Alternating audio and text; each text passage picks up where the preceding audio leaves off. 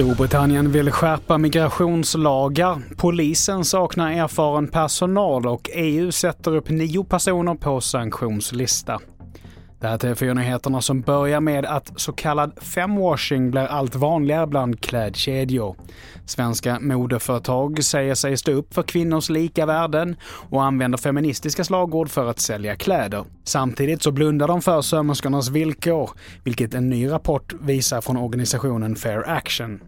Och så här säger Maja Sjödin som är sakkunnig på organisationen. Men jag tycker ju att det ringer väldigt ihåligt att vi ser den här trenden att man använder feminism och man säger att man ska lyfta och stärka kvinnor och deras självkänsla.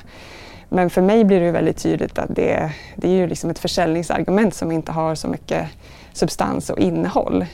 Och det tycker jag blir vilseledande.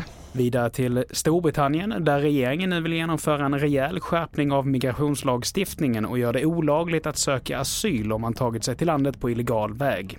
Personer som grips ska deporteras till sitt hemland eller ett säkert tredjeland samt bannlysas permanent från landet. Premiärminister Rishi Sunak menar att det är ett sätt att återta kontrollen över landets gränser, medan kritiker menar att reglerna inte kommer förhindra människor att riskera sina liv. Så till Sverige, där polisen saknar tillräckligt med erfaren personal som kan jobba med att utreda mord kopplade till gängkriminalitet. Det visar en ny rapport från Brottsförebyggande rådet. Det saknas erfaren, erfaren personal till de här utredningsorganisationerna.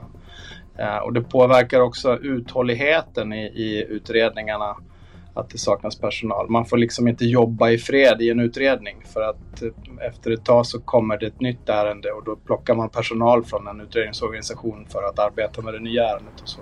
Och i inslaget här så hörde vi Jonas Öberg på Brottsförebyggande rådet. Till sist, lagom till internationella kvinnodagen imorgon så sätts nio personer och tre myndigheter på EUs sanktionslista för våld mot kvinnor. Deras tillgångar inom EU kommer att frysas och de kommer heller inte kunna få några visum. Högst upp på listan står talibanernas utbildningsminister som stoppat kvinnor från högre utbildning. Fler nyheter hittar du på tv4.se. Jag heter Mattias Nordgren.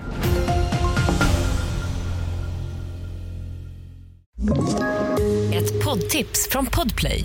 I fallen jag aldrig glömmer djupdyker Hasse Aro i arbetet bakom några av Sveriges mest uppseendeväckande brottsutredningar går vi in med hemlig telefonavlyssning och, och då upplever vi att vi får en total förändring av hans beteende. Vad är det som händer nu? Vem är det som läcker? Och så säger han att jag är kriminell, jag har varit kriminell i hela mitt liv men att mörda ett barn, där går min gräns. Nya säsongen av Fallen jag aldrig glömmer på Podplay.